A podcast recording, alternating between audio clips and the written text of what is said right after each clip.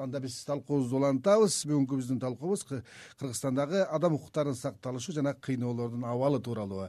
Камалдин мырза айтсаңыз сиз жанагы э, ички иштер органдарындагы бир мисалды айтып кеттиңиз. Э, зордук зомбулуктун бир себеби кылмышты мойнуна коюу же болбосо кылмыштын бетин ачуу максатында жасалат депчи.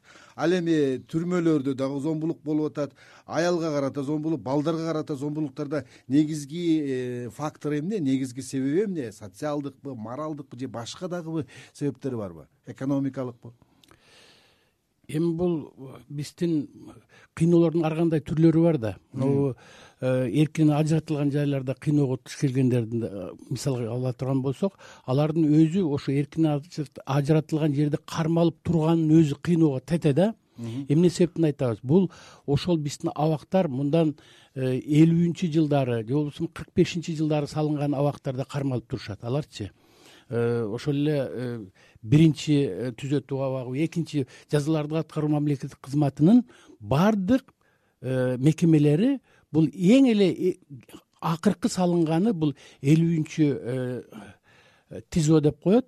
Бул где то токсонунчу жылдары салынган. А калгандары баардыгы элүүнчү алтымышынчы жылдары салынган. Бунун өзү азыркы бүгүнкү күндүн талабына жооп бербейт.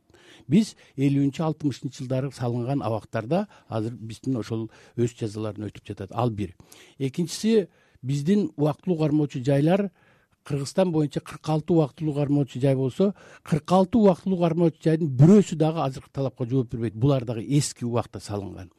Ошондой эле ар бир областтарда же болбосо ар бир аймактарда э, тергөө изолятору болуш керек убактылуу кармоочу жайда ал он күндүн ичинде же болбосо үч күн кырк сегиз саатта гана кармалып туруш керек. Бирок бизде талас областында жалал абад областында баткен областарында түзөтүү э, тергөө изолятору жоктугунан биздин убактылуу кармоочу жайларда жылдап жатышат. Бул өзү кыйноого тете деп эсептелет и адамгерчиликсиз мамиле деп эсептелет. Биз канча жолу жогорку кеңешке баяндама жаздык канча жолу өкмөткө жаздык ушуну билдирип жөнөкөй дагы бир мисал.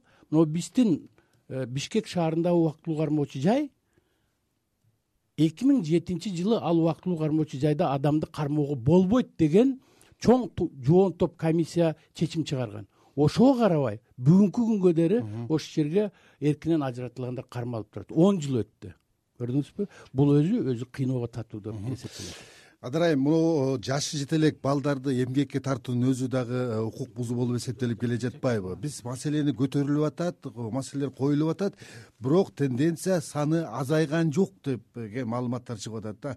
Мунун себебин сиз эмнеден көрөсүз? Эмне мектептеби күнөө ата энедеби же башка жакта каякта эң биринчи камалдин мырзанын чолпонбай мырза проблемаларды айтты. Ошо түбү билимде укукту эч ким билбейт же балдар аялдар анан камалдин агай айткандай ошо даже түрмөдө отурган ошо ошол жактан жалоба жазса э ушундай кармалып атабыз ушундай законы ошо билимден школдон садиктен башталат. Бул эң биринчи маселе. Анан силер айтып кетпедиңерби жана эмгек балдар. Аябай конвенция аябай мына омбудсмен ушу эки миң он жетинчи жылы аябай жакшы мониторинг кылып бир китеп чыгарган. Мен да катышкам да ошол жака.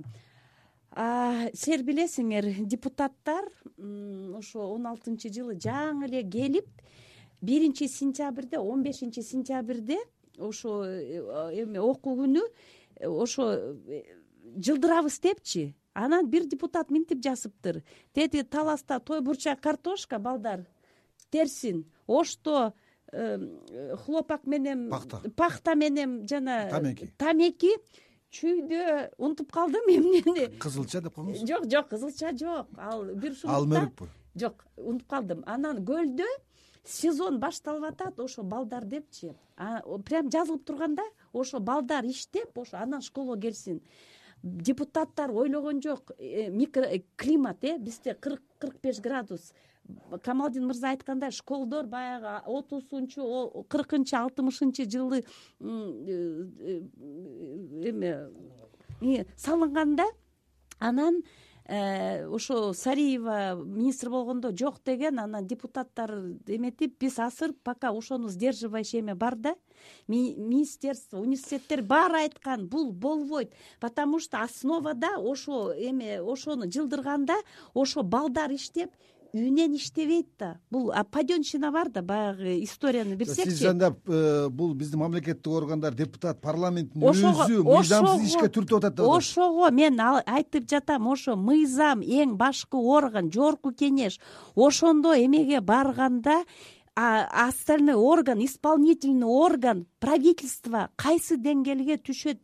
Вот ошону айтыш керек да. Анан Э, ушул директор школдор кат жазышып эми вуздар кат жазышып ошону пока убакытка токтотук да анан дагы кайра популистический бул эң оңой да жөн эле айтып коюп анан министерствого койдургула э, мынтип айтканда силер министр айым силер жөн эле эле телефонограмма берип эки миң эки жүз төрт школго ошо менен эле видите өзүнө э, эмени албайт?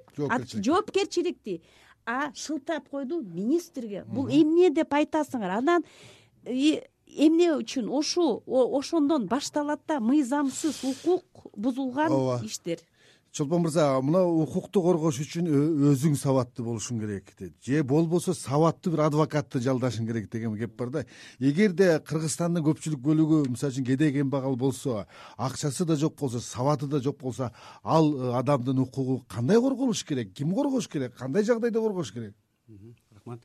Биринчиден бизде кыргызстанда адамдардын укуктарын коргоочу э, органдар көп негизи мындай айткандачы. Бирок экинчи суроо ошол укук коргоо органдары кандай бир деңгээлде иштеп атат бул экинчи суроо. Мисалы үчүн сиз айткан жанагы э, эмгек жааматында деп атпайбызбы эмгек жааматында эмгектик келишимдердин түзүлбөгөнү өзгөчө мынакей көңүл бура турган нерсе мына биздин жарандарыбыз көбүнчө жаш балдар кафе ресторанда иштеп атышат тигүү секторунда иштеп атат курулуш компанияларында иштеп атат. Аларда эч кандай эмгек келишими деген да түшүнүгү да жок ошол жердеги кийинки баягы ошол адамдардын тагдыры кийин ал кайсы бир жашка келгенде жана пенсия деген маселеси көтөрүлөт. Экинчиден ошол жерде иштеп аткан адамдардын эмгек китепчеси китепчеси жок болуп атат. Э, стажы жок болуп атат. Мына ушулардын баары биз э, учурунда этибар албай бирок кийинкисин ойлонбой жаткан учурлар болуп атат да. Эми сиз айтып атасыз эми укукту баары эле адам билген э, баягы кандайдыр бир деңгээлде билиши керек да. Буга ар кандай окуулар үйрөтүүлөр болушат. Мына мисалы үчүн биз э, э, бир нерсени айтып кетейин. Ошол эле мамлекеттик мекемеде иштеп аткан кадрлар бөлүм башчысы же инспекторлор аларды окута турган эч ким жок болуп калды азыр буйрукту каалаган мекеме өзүнчө чыгарат. Жумушка кабыл алып аткан жумуштан кетирип аткандарын өргүнү канчага берип аткандарын ар ким баягы эски түшүнүк менен эле жазып келатат аларды бир бирдиктүү бир нерсеге алып келип аткан орган да жок болуп атат бизде бүгүнкү күндө. Анан адамдардын укугун өзү биринчи кезекте билип өзү коргогонго аракет кылыш керек да. Камалдин мырза мына коомчулукта айтылат э, коомдогу укуктук сабаттуулук өтө төмөн депчи. Сиздин оюңузда кандай? Бир коомдун укуктук сабаттуулугун көтөрүү үчүн мамлекетте кандай саясат жүргүзүш керек? Мамлекеттен сырткары коомдук уюмдар жалпы эле э, эл журт дейбизби башкабыз кантип көтөрөбүз өйдөгүздү эми мен бул менин жеке оюм жогоруда чолпон мырза айтып кетпедиби бул адамдардын аң сезимин адамдардын билимин адамдардын билүү деңгээлин жогорулатуу боюнча өзүнүн укугун билүү деңгээлин жогорулатуу боюнча биздин өкмөт тарабынан бир кыпындай жумуш аткарылбай жатат. Ошону биз теле берүү радио берүү же башка бир жолдор менен же болбосо жана анары айтып кеткендей мектептен баштап туруп адамдын өз укугун үйрөтүшүбүз керек. Андай деңгээлде азыр эч кандай жумуш өткөзүлгөн жок. Биз өзүбүздүн э, жумуш боюнча биз мамлекеттик орган болгондон кийин кайсыл жерге барганыбызда биздин өзүбүздүн ошо адамдардын укугу жөнүндө сөздү баштайбыз. Потому что биз укук коргоочу орган болуп эсептелебиз. Ал биздин айтканыбыз биздин улуттук борбордун айтканы э, акыйкатчы институттун айтканы бул э, башка эле адам укугун коргоочу бейөкмөт уюмдардын айтканы бул жетишсиз. Мамлекеттин өкмөттүн деңгээлинде өкмөттүн деңгээлинде адамдардын укугу жөнүндө бир чоң бир масштабный бир э, анарай могу укуктук сабат дегенде мектептен деп атабыз да. Сиздин оюңузда мектепте бул э, кандай бул иш барбы же жокпу? Жок андай прям укук сабактары жок анан чио деген жок адам жана коом деген. Э, адам жана коом но ал көбүнчө мындай бытовойда мындай ар бир күндө кандай жашоо өтөт а укук деген жок. Мен ойлоп атам мына камалдин мырза айтып кетти мен да кошулам азыр ошону баштабасак мамлекет бияктан жылбайт. Мына аябай көп сын сөз айтып атпайбы укук коргоочулар. Биз болбосок биз проблеманы сыртка чыгарабыз чырылдайбыз ыйлайбыз потому что в основном аялдар укса угат ылайык болсо деп. Ошо мен азыр сөздү ошо трендда ылайык болсо ошо угат ылайык болбосо вообще карабай да коет да. Мен ойлоп атам бул эң биринчи өзү мамлекет э? Ошону баштабаса силер да сми биз да жөнөкөй жаран организованный укук коргоочулар. Мына центр э, мына академик профессорлор келип атат. Мамлекет өзү жана эрк болбосо анда эчтеке чыкпайт урматтуу коноктор бүгүн келип бизге биздин коомубуздагы талоолуу маселелер жөнүндө кеп кылып бергениңиздер үчүн сиздерге чоң рахматты айтам. Бүгүн биз э, кыргызстандагы адам укуктарынын сакталышы кыйноолордун абалы тууралуу кеп кылдык. Бүгүнкү биздин талкуубузга юридика илимдеринин кандидаты доцент чолпонбай карынов э, кыйноолорду алдын алуу боюнча улуттук борбордун бөлүм башчысы камалдин жапаров жана таза табигат коомдук бирикмесинин жетекчиси анара дөбөталиева катышты. Берүүнү мен бакыт орунбеков алып бардым. Кайрадан эфир аркылуу жолукканча саламатта калыңыздар